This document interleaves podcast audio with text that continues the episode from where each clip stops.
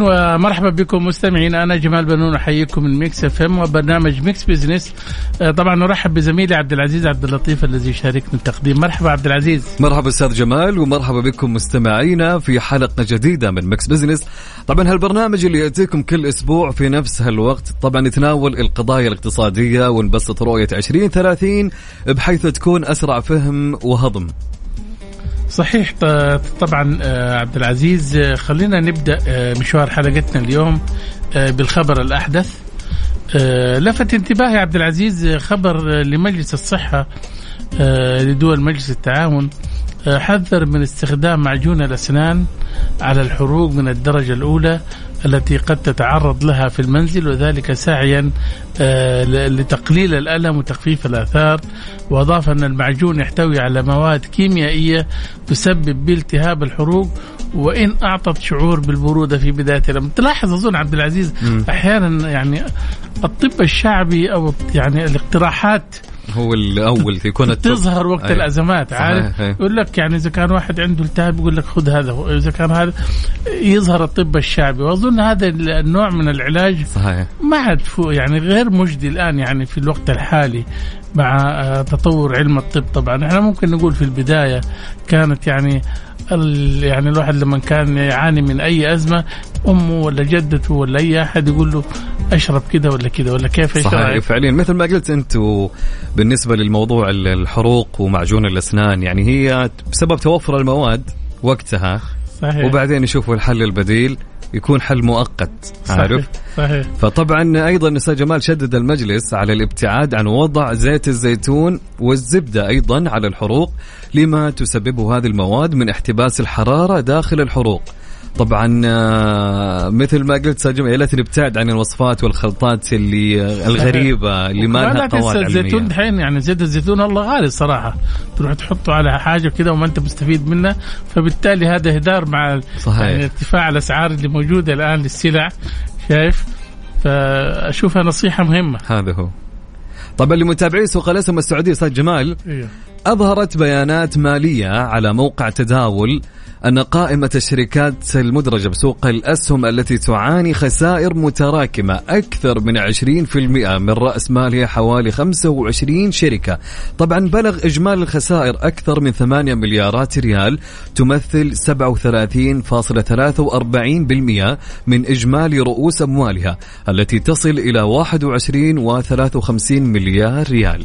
صحيح وتتوزع الشركات طبعا التي لديها خسائر متراكمة آه، إلى ثلاث ثلاثة نطاقات آه، بحسب نسبة الخسائر من رأس المال وفقا لضوابط السوق المالية. طبعا آه، تداول آه، هي النطاق الأحمر والبرتقالي والأصفر. طبعا يضم النطاق الأحمر الذي يندرج تحت الشركات التي بلغت خسائرها المتراكمة 50% فأكثر من رأس المال. تسع شركات. لا زالت تبحث عن خطة إنقاذ عاجلة بعد أن تخطت الخسائر في بعضها ضعف رأس المال. طبعا ويضم النطاق البرتقالي. ترى سوق الأسهم زي إشارات المرور. فعلا أحمر وبرتقالي وبرتقالي وأصفر. فبالتالي طبعا يضم النطاق آه، البرتقالي آه، خمس شركات. تصل خسائرها المتراكمة إلى 35% بما يقل عن 50% عن رأس المال. أما النطاق الأصفر خسائر متراكمة 20% من رأس المال بما يقل عن 35% فيضم 11 شركة. طبعا تتصدر الشركة السعودية الهندية للتأمين التعاوني وفى للتأمين القائمة بخسائر متراكمة تبلغ 209.12 مليون ريال تمثل 209.12% من رأس مال الشركة الذي يبلغ 100 مليون ريال. صحيح طبعا الخسائر يعني كبيرة جدا وجاءت الكابلات السعودية آه، بالمركز الثاني بخسائر متراكمة بلغت 240 مليار ريال آه، تصل نسبتها إلى 91.52% آه، من رأس المال الشركة وأعلنت الكابلات مؤخرا عن تنظيم لقاء عبر وسائل التقنية الحديثة مع المساهمين لمناقشة مستجدات الشركة وخطط الإنقاذ الحالية. طبعا كان المركز الثالث لشركة سلامة للتأمين التعاوني حيث بلغت الخسائر المتراكمة للشركة 228.66 مليون ريال وأوصى مجلس إدارة الشركة في أغسطس الماضي بزيادة رأس المال من 100 مليون ريال إلى 300 مليون ريال من خلال طرح أسهم حقوق أولوية بقيمة 200 مليون ريال وذلك بهدف دعم خطط الشركة المستقبلية وتعزيز الملاءة المالية. صحيح طبعا عبد العزيز في خطوة تستهدف دعم اللوجستيات وتطوير آه، بيئة قطاع النقل والحركة الجوية والموانئ. آه، فتحت السعودية مسارا تجاريا جديدا عبر الموافقة على تأسيس أسواق حرة في المطارات والموانئ والمنافذ البرية. طبعا ووافق مجلس الوزراء برئاسة خادم الحرمين الشريفين الملك سلمان بن عبد العزيز على إنشاء أسواق حرة بحسب الحاجة والسماح بالبيع فيها للمسافرين القادمين للمملكة والمغادرين منها. طبعا للتعليق حول هذا الموضوع يسرنا أن يكون معنا من الرياض الأستاذ محمد البيشي صحافي وكاتب اقتصادي. مرحبا بك أستاذ محمد في ميكس بزنس أهلا وسهلا أستاذ جمال أستاذ عبد العزيز. حيا الله مستمعينكم الكرام. أهلا وسهلا بك خليني أسألك بس اعرف يعني آه، بعرف إيش أهمية فتح منافذ بـ آه، منافذ تجارية جديدة عبر الأسواق الحرة التي وافق عليها مجلس الوزراء؟ طيب آه، اولا من حيث المبدأ هو القرار قرار التوسع في مفهوم الأسواق الحرة بالسعودية، كان في نظام قديم وفي بعض الأسواق الحرة المحدودة في عدد قليل جدا وكانت مخصصه للمغادرين للسعوديه. اليوم القرار الأخير لمجلس الوزراء قبل أسبوعين أو تحدث عن التوسع بشكل كبير في جميع المنافذ البرية والجوية والبحرية بل حتى على متن الطائرات والسفن آه، اللي تغادر أو تأتي إلى السعودية. في توسيع هذا المفهوم مفهوم الأسواق الحره وفق أيضا تنظيمات وآليات جديدة حسب ما طرأ بعد بعد الإعلام. من الوزراء أنه سيكون هناك يعني عدد من التنظيمات الجديدة المتعلقة بالتأمين وعلى المخاطر وأيضا آلية البيع وهذا بالتأكيد آه، عودا على سؤالك سيشجع الاستثمار في هذا القطاع الحيوي. اولا اليوم السعودية قاعدة تحاول تندمج أكثر وأكثر في إطار مفهوم الاقتصاد الدولي بشكله الواسع وتحديدا اقتصاد السياحة والسفر والتنقل. ومن هذه الزاوية تحديدا إحنا السعودية قررت قبل عدة شهور نظام جديد للسياحة في المملكة وقررت عشرات التشريعات الجديدة اللي تسمح بإذن الله خلال السنوات القادمة بقدوم ملايين زوار المملكة سواء القادمين بغرض الحج والعمرة أو القادمين بغرض زيارة العشرات من الوجهات السياحية اللي اليوم المملكة سهلت الوصول لها سواء عبر الإعفاءات من التأشيرات أو السماح للمقيمين في دول الخليج بزيارة السعودية أو حاملي تأشيرات شنغن و والتاشيره الأمريكية. ما أريد قوله إنه واحدة من نقاط الضعف اللي كانت في في في هذا المشهد الكبير لتطوير السياحة واقتصاد السياحة في المملكة هو موضوع الأسواق الحرة. آآ آه، آآ آه، آه، هي فر هي باختصار مفهوم السوق الحرة هو إعفاء كل المنتجات والسلع والخدمات في هذه الأسواق من الضرائب بشكل بسيط وأيضا رفع سلطة الحكومة عن هذه الأسواق بمعنى أنها تخضع لقوانين خاصة ومعايير مختلفة عن تلك المعمول بها داخل الدولة. هذه الميزتين تشجع المسافرين على التسوق دائما من هذه الأسواق وعلى أحيانا بل إنه بعض الوجهات السياحية في العالم أحد محفزات السياحة عندها هو وجود أسواق حرة يخطط السائح إنه لما يشتري أشياء ثمينة أو ذهب أو أو منتجات كهربائية أو whatever يعني يخطط له يخطط إنه أثناء سفره إلى مثلا what آه، ever دبي أو إلى هيثرو أو whatever عبر هذه المطارات اللي موجودة فيها هذه المزايا. اليوم المملكة تبغى تدخل بهذه الميزة أيضا تضعها ضمن أيقونة المزايا اللي قاعدة تقدمها لجذب السياح والمستثمرين في قطاع الترفيه والسياحة بشكل عام. أستاذ محمد طبعا هناك فرق بين الأسواق الحرة والمناطق الحرة، يعني يا ليتنا نبسط هالمعلومة. شوف المناطق الحرة هي مناطق أيضا شبيهة بالأسواق الحرة ولكنها خاصة بالشركات. تقوم الشركات بجلب بضائعها أو مخازنها في هذه المنطقة وتكون غير خاضعة لأي ضرائب وبمزايا مختلفة. وهذا ما حصل اليوم عندنا منطقة حرة في مطار الملك خالد وعندنا أسواق حرة داخل المطار. عندنا مناطق حرة في مطار الملك خالد الدولي. اليوم في واحدة من كبرى شركات العالم وهي شركة أبل. قاعدة تجهز مستودعات ومخازن لتجميع القطع وتصديرها وإعادة تصديرها وتغليفها دون أن يكون للحكومة السعودية أي آه، تدخل أو قوانين أو تشريعات خاصة فيها. هذه المناطق أيضا بقوانينها الخاصة ومعفية بل تحصل على مزايا أخرى لأنه آه، آه، لا ننسى أهم نقطة أيضا مكسب حقيقي وقوي من مثل هذه سواء الأسواق الحرة أو المناطق الحرة وهو التوظيف. اليوم واحدة من مستهدفات السعودية توسيع نطاق التوظيف في هذه القطاعات، قطاع السياحة، قطاع الترفيه، قطاع الخدمات اللوجستية، قطاع النقل. هذه القطاعات الجديدة في السعودية محتاجة وظائف كثيرة وقد تكون قناة جيدة لتسريب رقم جيد من البطالة لهذه هذه القطاعات. صحيح، طب خليني أسألك كمان يعني هذا يقودنا لسؤال يعني الفائدة اللي حتعود على المتسوقين وخاصة من الركاب طبعا أنا أقصد آه، وأن القرار اشتمل على المنافذ البحرية والبرية والجوية. يعني بالتأكيد اليوم آه، في فرصة كبيرة إحنا كلنا نسافر عبر واحدة من هذه المنافذ. نعم. وكل واحد وشخص عنده في السنة سفرة سفرتين. هذه السفرة والسفرتين قد تكون فرصة للحصول على بضائع مخفضة خالية من الضرائب وبأسعار تنافسية جدا وأيضا آه، تخفض بشكل أو بآخر من تكلفة السفر واللي اللي اللي ممكن تزيد على بعض الناس. فالمستهلك مستفيد بشكل أو باخر يعني في النهاية المستهلك النهائي هو المستفيد بكل تأكيد. ولكن الحكومة أيضا لديها فوائد زي ما قلنا من آه، خلق وظائف من جذب استثمارات من خلق بيئة أعمال جديدة. المستثمرين أنفسهم أيضا يتشجعوا يدخلوا هذه هذا النوع من المشاريع لأنه يعتبرون إنه فيها ميزة تنافسية وهي الافاءات الضريبيه طبعا. جميل جدا. أستاذ محمد هل نحن نمهد بهذا القرار لافتتاح مناطق حرة في السعودية؟ إحنا اليوم في مشروع للمناطق الحرة وبدأنا فيه. والآن المشروع الجديد هو مشروع التوسع في الأسواق الحرة. فكل المشروعين ارى أنهم يسيرون بصورة متوازنة ومعالي وزير الاستثمار السعودي خالد الفالح تحدث قبل عدة شهور عن إنه هناك خطة للتوسع في موضوع المناطق الحرة وإنه البداية هي من مطار الملك خالد الدولي ومنطقة لوجستية هناك. آه، الخطة إنه تنتقل لها عدد من الشركات الكبرى لتكون مناطق لوجستية لها مناطق حرة تكون hub يعني أو أو spot من, من للإقليم كله ال region.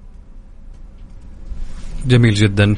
أستاذ محمد انتهى وقتنا. نشكرك آه، على مشاركتك معنا اليوم في برنامج Mix Business. شكرا لكم. شكرا للاستضافه مستمعينا كان معنا الأستاذ محمد البيشي صحفي وكاتب اقتصادي. هاتفيا كان معنا من الرياض.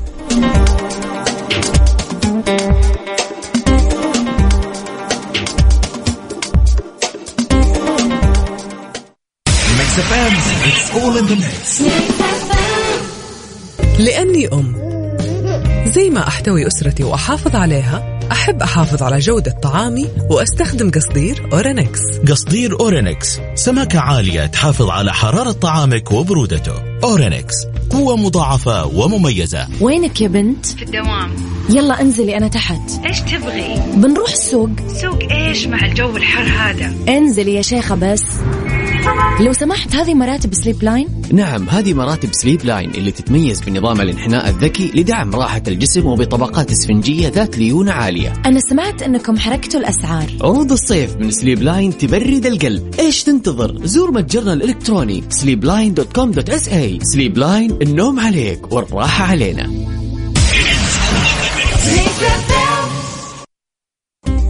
Mix Business مع جمال بنون وعبد العزيز عبد اللطيف برعاية شركة إتقان العقارية إتقان وريادة على Mix FM, Mix FM.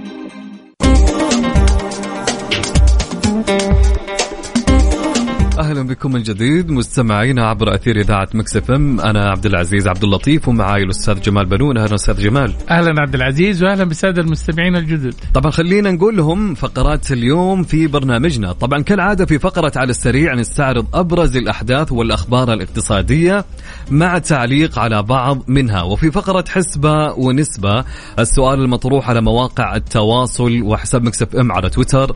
يقول سؤالنا اليوم حينما تقرر تناول الطعام خارج المنزل.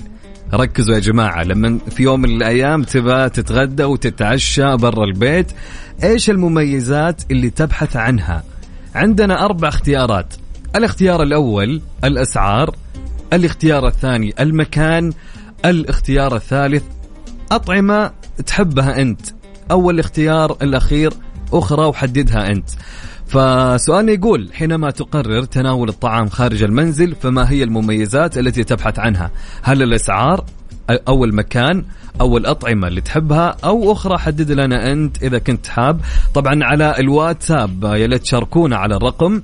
سجل عندك على صفر خمسة أربعة ثمانية وثمانين إحدى سبعمية. نعيد الرقم مرة ثانية على صفر خمسة أربعة ثمانية وثمانين إحدى سبعمية. أبغى رأيك أستاذ جمال في سؤال اليوم. أول شيء الاستبيان يجوع. وقت غدا. وقت غدا. شايف؟ فأنا متأكد يعني الناس اللي حيتخذوا القرار قرار يعني تحت ضغط الجوع. أكيد. شايف؟ فبالتالي يعني حيكون يعني إيش؟ آه، ما هو قرار آه، يعني حاسم. ليش؟ لأنه وقت الجوع ترى أنت تختار أي مطعم. هذا هو كنت بقوله ترى. ما يهمنا لا المكان ولا أي شيء. حقيقي. ولكن لما تخرج أنت وعائلتك هذه تخطط لو أنت لسه في البيت ما طلعت. صحيح. وقتها تعمل بحث في جوجل تسأل أصدقائك إذا كنت بتروح محل سمك ولا إذا كنت بتروح مطعم. في وجبات يعني آه، أجنبية مثلا فرنسية إيطالية شايف؟ صحيح. فانت هنا تعمل عملية بحث. ليه لانك أنت راح تستمتع بالمكان. صح. وبالطعام. أكيد. شايف؟ وبالتالي أنت ما أنت شايل هم السعر. صحيح. هذه في حالة إيش؟ يعني في حالة أنك أنت تبي تروق وتبي تاكل يعني أكيد. يعني أيوه أيوه. صح ولا ولا أنت إيش رأيك عبد العزيز؟ أنا عن نفسي شوف أنا قريت السؤال وجالس أجاوب بيني وبين نفسي فشفت شيئين مهمة. إيه؟ اولا الأسعار. هذا لابد منه طبعا. وزايد الأطعمة اللي أنا أحبها. المكان أنا صراحة ما أهتم للديكور ال design ابدا. غير في حالة واحدة إذا كنت أنا طالع معي أهلي طبعا. أيه. أو إذا أنا كنت في بلد ثاني يهمني المكان. صحيح. ما راح أروح أي مكان أو فحاليا يعني أنا كشخص رأيي للسعر والأطعمة اللي أحبها. بالفعل. إذا في أي خيار ثاني ما هو مذكور يعني يا ليت تقولوا لنا أكيد يعني يا ريت والله. أي طبعا على الواتساب للإذاعة وللبرنامج على الرقم 054 88 11700 طبعا أستاذ جمال في فقرة أهل الثقة نتحدث عن القمة العالمية للذكاء الاصطناعي الذي تستضيفه الرياض هذا الأسبوع والحديث عن المؤتمر وجلساته سيكون معنا المهندس ماجد الشهري المتحدث الرسمي للهيئة السعودية للبيانات والذكاء الاصطناعي من الرياض. وفي فقرة spotlight نستضيف الاستاذه عبير جميل أبو سليمان خبير ومرشد سياحي. ضيف اليوم معنا في الاستوديو أكيد للحديث عن الإرشاد السياحي ومهمة المرشد السياحي في ظل التوسع في برامج الترفيه والسياحة والآثار. كل هذا وأكثر وين أستاذ جمال. أكيد في Mix Business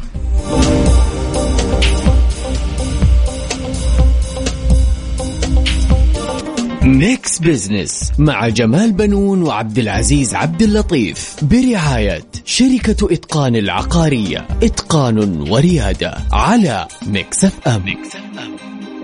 أهل الثقة. ضمن Mix Business على Mix FM على Mix FM عدنا لكم من جديد مستمعينا في Mix Business طبعا معي زميلي عبد العزيز عبد اللطيف اللي يشارك في التقديم. أهلا وسهلا عبد العزيز. مرحبا أستاذ جمال ومرحبا بمستمعينا عبر أثير إذاعة Mix FM طبعا عبد العزيز عفوا آه، تستضيف السعودية هذا الأسبوع من 13 إلى 15 سبتمبر. آه، القمة العالمية للذكاء الاصطناعي في نسختها الثانية برعاية الأمير محمد بن سلمان ولي العهد. وت يعني وتستهدف آه، إلى تحقيق الريادة العالمية من خلال الاقتصاد القائم على البيانات والذكاء الاصطناعي وتأكيد أهمية التعاون الدولي من أجل استخدام الذكاء الاصطناعي لخير البشرية. ودوره في تحقيق أهداف التنمية المستدامة التي أقرتها الأمم المتحدة إلى عام 2030 طبعا للمزيد حول هذا هذه القمة وجلساتها يسرنا أن يكون معنا آه، من الرياض المهندس ماجد الشهري المتحدث الرسمي للهيئة السعودية للبيانات والذكاء الاصطناعي. مرحبا بك مهندس ماجد. حياك الله ويا مرحبا فيك أخوي عبد العزيز وأخوي جمال والسادة المستمعين. أهلا وسهلا بك. خليني بس أعرف آه، أهم الموضوعات المطروحة في القمة العالمية للذكاء الاصطناعي.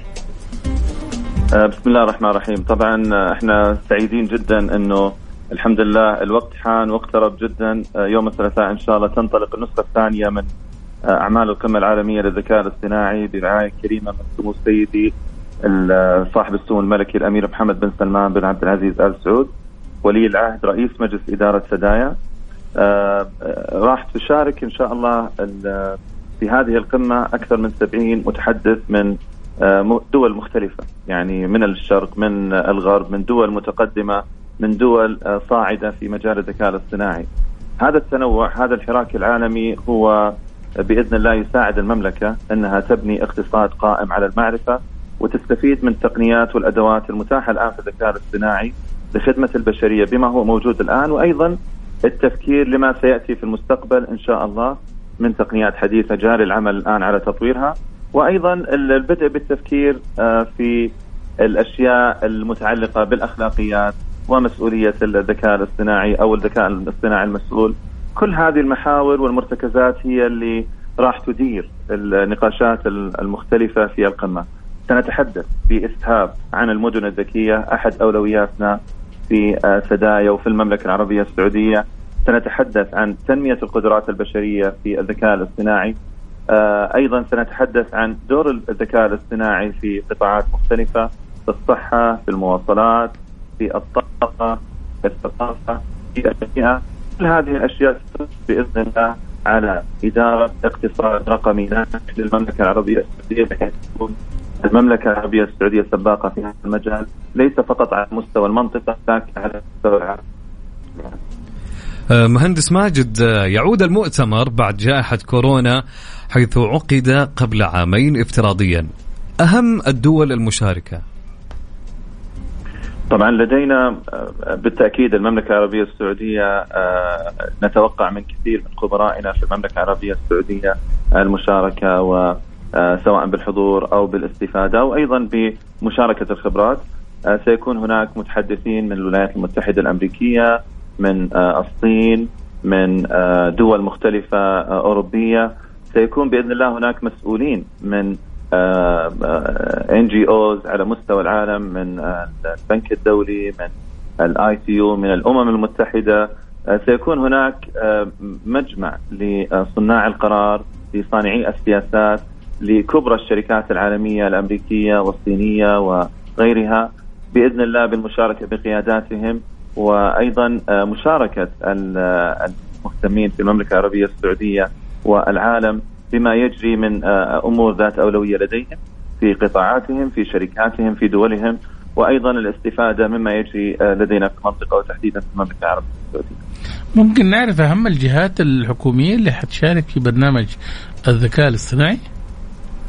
آه، طبعا في المملكة العربية السعودية آه، سدايا هي المنظمة لهذا المحفل والقمة آه، لكن دائما سدايا عودت المواطنين والمقيمين أنها لا تعمل لوحدها. سيكون هناك مشاركات على أعلى مستوى من القيادات الحكومية في القطاع الآي سي أو قطاع تقنية المعلومات. أيضا ذكرت لك قبل قليل بعض النماذج للقطاعات ذات الأولوية لدينا. ذكرت الطاقة ذكرت الصحة ذكرت المواصلات. سنرى بإذن الله ممثلين من هذه الجهات للحديث عن خبراتهم للحديث عن تجاربهم. سواء مع سدايا أو مع الذكاء الاصطناعي بمشاركه لأنه نحن يجب أن لا ننسى هذه قمة عالمية تحتضنها الرياض بدورها الريادي ولكن رسالتنا هي موجهة للعالم جميعا. المستفيدين هم المملكة العربية السعودية والدول الاخرى فستكون رسالتنا عالمية بحيث نشارك العالم آه، ماذا عملنا في المملكة العربية السعودية من آه، حلول ومن آه، أشياء قدمناها في الفترة الماضية سواء في ما بعد جائحة كورونا أو في الوقت الحالي وأيضا سيكون هناك استفادة مما يجري في الدول المختلفة من تقنيات ومن أبحاث ومن آه، دراسات تجري في مراكز الأبحاث والجامعات بحيث أنه نستفيد منها بشكل مستمر. جميل. آه، مهندس ماجد أثر تطور الذكاء الاصطناعي على الاقتصاد السعودي. آه، طبعا الذكاء الاصطناعي هو أحد محاور الهامة جدا في رؤية 2030 وهي رؤية اقتصاديه. إحنا لدينا في سدايا قمنا بدراسة أهم تاثير أو أهم ما يؤثر به الذكاء الاصطناعي على آه، مستهدفات الرؤية 2030 وجدنا إنه أكثر من 70% من تلك المستهدفات المختلفة تتأثر بشكل مباشر بالذكاء الاصطناعي. فنجاحنا في المملكة العربية السعودية في أجندة واستراتيجية الذكاء الاصطناعي بإذن الله ستكون داعم قوي جدا لرؤية 2030. آه، بالتفصيل آه، لدينا في آه، سدايا دراسات حاليا يعني لم تنتهي حتى الآن لدراسة الأثر الاقتصادي والفائدة المرجوة من نجاحات المملكة في استراتيجيتها في الذكاء الاصطناعي بإذن الله حين تكتمل الدراسات وأنا أتأكد منها ستظهر بشكل مفصل نحن الآن في وقت نرى أن الذكاء الاصطناعي يؤثر على جميع دول العالم وله حصة غير بسيطة في المساهمة في الجي دي بي لهذه الدول. ونحن في المملكة العربية السعودية لسنا استثناء في هذه الحالة. وبإذن الله تقدمنا في هذا المجال سيعكس بشكل إيجابي مساهمة الذكاء الاصطناعي في تحسين الاقتصاد وتفعيل الاقتصاد الرقمي بإذن الله بالمشاريع والمنتجات الحية. مهندس ماجد الشهري انتهى وقتنا. شكرا لمشاركة معنا اليوم. لا حياك الله. شكرا لكم. Spotlight The Mix Business على Mix FM على Mix FM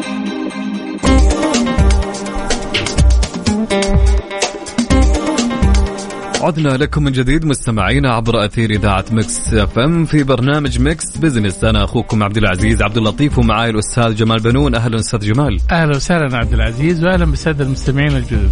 المرشد السياحي هو سفير داخل وطنه وله الدور المميز والبارز في تشكيل الانطباع العام لدى السائح عن الرحلة والبلد الذي يزوره.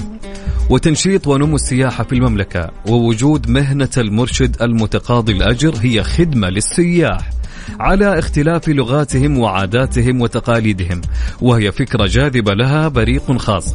نتحدث اليوم عن تجربة المرشد السياحي وأهمية هذه المهنة مع الأستاذة عبير جميل أبو سليمان وهي خبير ومرشد سياحي تتحدث إلى جانب اللغة العربية الفرنسية والإنجليزية وهي من أوائل العاملين في قطاع الإرشاد السياحي ومسيرتها حافلة في المنظمات الدولية السياحية والتدريب. عبير جميل أبو سليمان خبير ومرشد سياحي. مرحبا بك استاذه عبير في آه، Mix Business. أهلا وسهلا بكم وبالسادة المستمعين.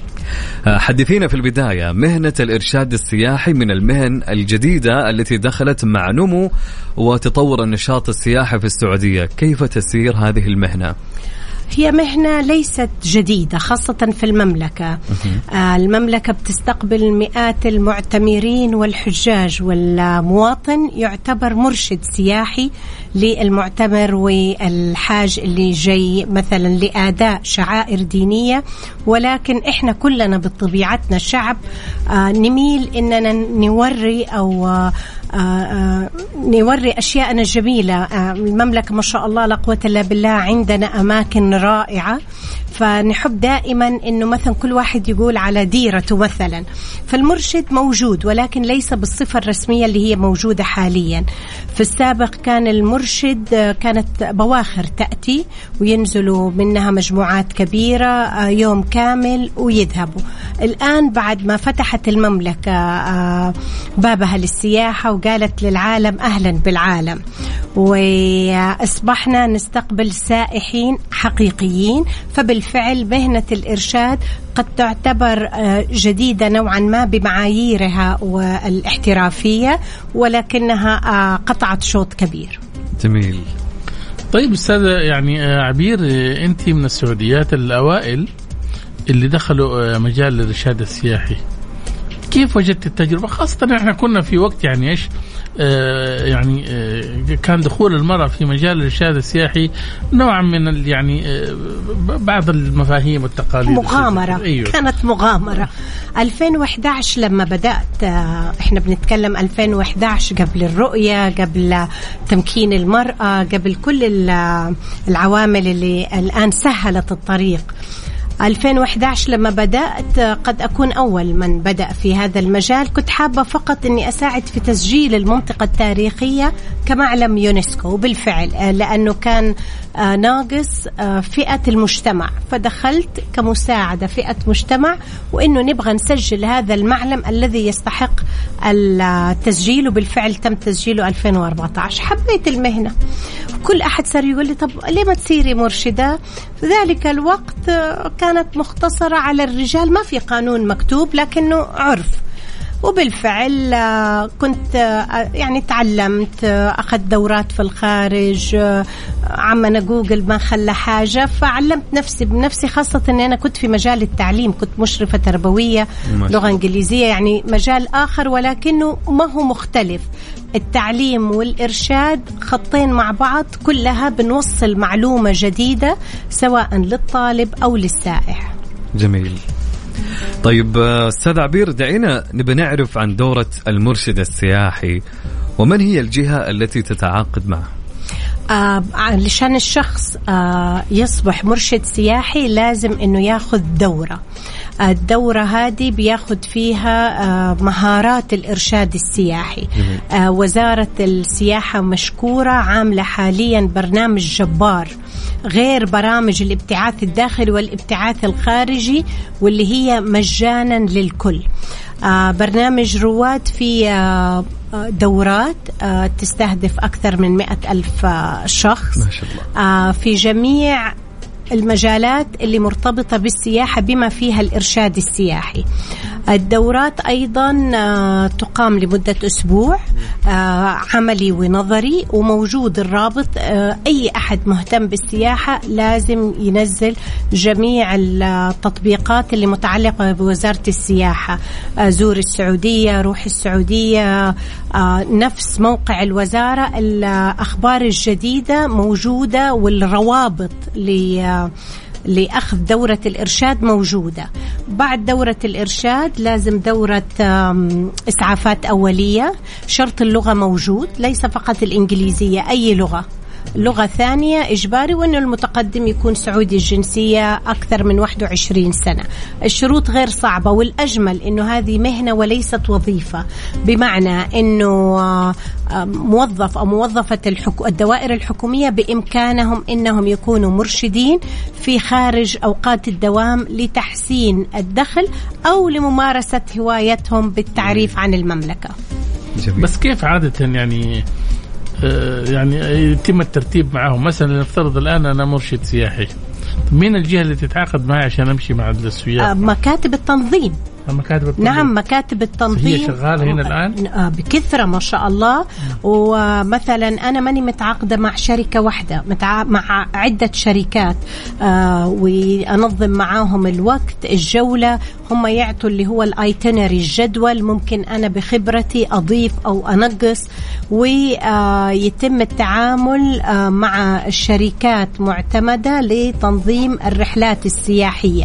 عادة هدول الشركات بيجيبوا ضيوف من الخارج وقد يكون من الداخل.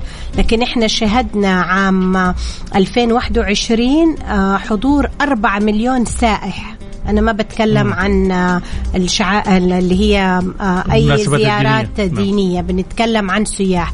ومعالي الوزير أحمد الخطيب صرح إنه آه، تتطلع المملكة لزيادة العدد في 2022 إلى 12 مليون سائح. علشان نحقق الرؤية اللي هي 100 مليون سائح إن شاء الله. جميل. آه، أستاذ عبير العنصر النسائي هل بدأ يبرز في برامج الإرشاد السياحي حاليا؟ صحيح. يعني أنا لما أخذت دورة عشان أصبح مدربة إحنا كنا ثلاث سيدات والآن ما شاء الله العدد كبير. ما يحضرني العدد تماما ولكن اللي أعرفه تقريبا أنه إحنا أكثر من 350 مرشدة في المملكة. آه لما بدأت البعض كان متفاجئ أنه ليش أبغى أكون مرشدة ولكن هي مهنة رائعة. زي ما حضرتك تفضلت في بداية اللقاء الوزارة أعطتنا لقب رائع سفير داخل الوطن. يعني إيش وسام أعلى من أني أكون ملقبة بسفيرة داخل الوطن؟ أني أظهر أجمل ما في وطني أني أعرف الناس بعاداتنا وتقاليدنا أني أعطيهم جزء صورة من الحياة الاجتماعية. وإلى الآن أنا في هذا المجال من 2011 ما لقيت سائح غير راضي بالعكس. السياح بيعبروا عن دهشتهم إنه آه على قولهم over our expectation أكثر مما كانوا يتوقعوا. وهذا الشيء يثلج صدورنا كمواطنين قبل ما نكون مرشدين. صحيح طيب أستاذ عبير خليني أسألك يعني إحنا عادة لما نسافر آه، برا في متاحف ولا في أماكن يعني كهوف ولا غيرها عادة نلاقي مرشدين سياح برا كده جالسين كده تختاري أنت منهم شخص يتناسب مع لغتك وأشياء زي كده وبالتالي أنا هذا الشيء هنا ما أشوفه. صحيح. آه ليش؟ لأنه إحنا عندنا مثلا زي خاصة الآن في الصيف آه يعني صعب أنه يكون آه جالسين في مكان معين. تجمع طيب آه راح يكون مثلا بالنسبة آه، في المواسم والمهرجانات دائما يوجد نقطة تجمع بيكون الجهة المنظمة هي اللي مجمعة المرشدين والمرشدات وتكون الخدمة مجانية لضيوف المواسم والمهرجانات. حاليا في جدة التاريخية وزارة الثقافة مشكورة بتعمل آآ آه، آآ آه، اللي هو مكتب للزوار وحيكون مقر للمرشدين أيضا. وزي كده يجوا الضيوف حسب اللغة اللي يطلبوها لأنه بالفعل عندنا آه، بجانب الفرنسية عندنا مرشدين باللغة الأسبانية الإيطالية اللغات الأخرى وهذا آه، بكده تتسهل عملية الإرشاد للضيف بلغته الأم. شيء جميل. بالتأكيد معلومات مهمة عن السياحة أستاذ عبير آه، انتهى وقتنا المخصص لهذه الفقرة. شكرا لمشاركتك معنا. شكرا شكرا لكم. مستمعينا طبعا كانت معنا الأستاذة عبير جميل أبو سليمان خبير ومرشد سياحي كانت ضيفه معنا في الاستديو.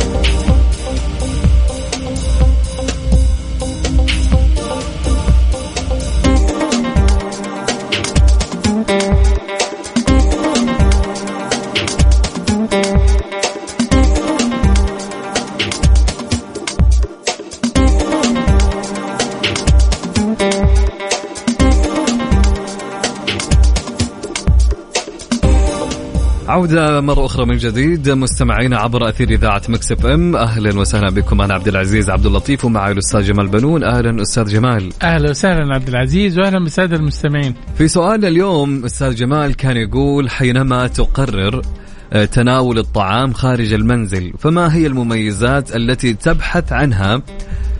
أولا الأسعار أم المكان أم الأطعمة اللي أنت تحبها؟ أو أخرى أنت حدد لنا. في آه، جوابك طبعا يا ليت تشاركوني الآن عبر الواتساب للإذاعة وللبرنامج عبر الرقم 054 88 11700 سؤالنا يقول حينما تقرر تناول الطعام خارج المنزل فما هي المميزات التي تبحث عنها طبعا عندنا خلينا ناخذ قبل الاستفتاء آه، تويتر أستاذ جمال أيه. عندي بعض الردود ناخذها طيب. طيب. طبعا عندنا صديقنا يقول آه يقول كلها جودة ومكان وسعر.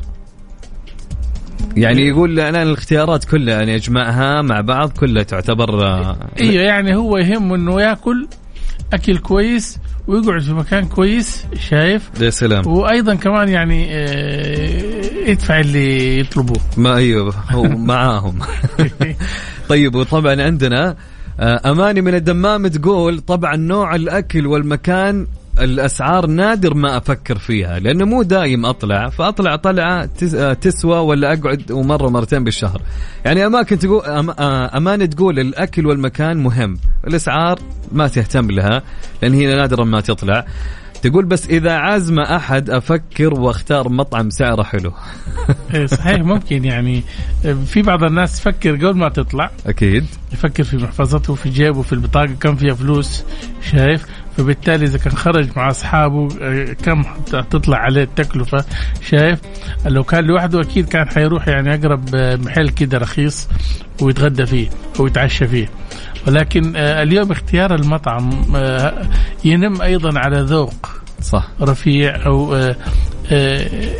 خيارات آه، المطعم اللي انت تحبه إذا كنت شبابي تروح مطعم كده يعني صحيح. في أنوار كده ملونة م. شايف وإذا كنت لا يعني شوية كبير في السن بتروح كده المطعم كله أنوار كده عشان تشوف الأكل طبعا عندنا إجابة من عبد المغني عبد المغني عمر العباسي من حائل. هلا وسهلا عبد المغني. يقول أنا دائما أختار المكان أو المطعم الذي يتميز بجودة الطبخ والنظافة ولا يهمني الديكور والسعر. ممكن يكون يعني مش, مش أنا بقول لك حاجة بالنسبة لي أنا. أنا عادة يعني بالذات هذه ما أستخدمها إلا في السفر.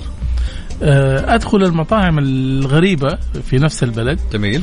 بحيث إني أبغى أكتشف إيش نوعية الأكل اللي عندهم. آه، إيش طريقته ما يهمني يعني آه، من ناحية ممكن يكون يعني في حي شعبي ممكن يكون في حي راقي يكون المطعم مشهور مثلا وعليه طلب كثير في نفس البلد اللي أنا رايح له.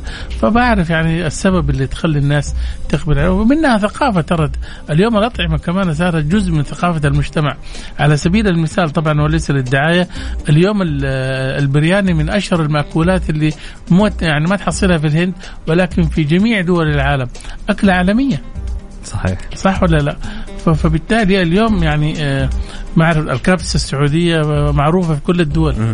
صح ولا لا؟ صحيح. ففي بعض المطاعم الآن بدأت تدخل في هذا المجال طبعا.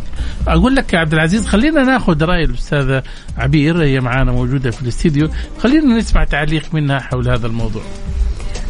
آه نفس الشيء. الأكل هو اللي يفرق معايا أول حاجة. يعني نوعية الأكل.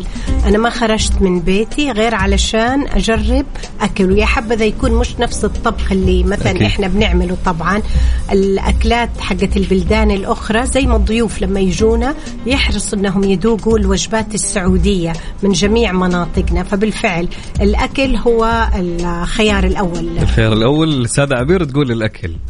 جميل. طبعا آه، ختاما لمشاركات الواتساب عندنا صديقنا يقول مساء الخير. الحمد لله أنا ما أحب المطاعم وإذا سافرت آخذ عزبة كاملة. يعني ها يقول أكل البيت أحلى. والله شوف أنا أقول لك من ناحية التوفير اللي يعرف إنه يعني جيبه هذا ياكله بس في البيت فبالتالي أفضل له. أول شيء شوف أنا أقول لك إحنا مو عن شيء. الأكل اللي في البيت ترى اكل نظيف. وصح. لأنك بتشتريه بنفسك وصحي ونظيف إيه. وتغسله وكل حاجة. والاكل اللي في المطاعم هذا بس هذا يعني أمره يعني تتوكل على الله. فعلا. طبعا أستاذ جمال آه، إلى الآن أو كانت حلقتنا دسمة جدا صح. اليوم صحيح. وجميلة. وخفيفة بنفس الوقت. أيوه الاستبيان يجوع أكيد. جدا الاستبيان يقول لنا انهوا عشان تتغدوا. طبعا وصلنا لختام هذه الحلقة من Mix Business. طبعا لقاءنا يتجدد بضيوف جدد وموضوعات جديدة وإن شاء الله آه، أخبار دسمة أيضا. نشكر ضيوفنا الذين شاركونا اليوم في حلقة Mix Business. آه، الأستاذ عبير جميل أبو سليمان خبير ومرشد سياحي. كان ضيفه معنا في الاستوديو. طبعا نشكر أيضا الأستاذ محمد البيشي صحافي وكاتب اقتصادي كان معنا من الرياض والمهندس ماجد الشهري المتحدث الرسمي للهيئة السعودية للبيانات والذكاء الاصطناعي من الرياض. طبعا موعدنا جدد معكم كل أحد من الساعة الثانية للساعة الثالثة مساء كنت أنا معكم أخوكم عبد العزيز عبد اللطيف. إن شاء الله نكون قدمنا يعني قدمنا لكم دسمة حلقة دسمة وطبق من المعلومات المفيدة. نشوفكم الأسبوع المقبل. في أمان الله.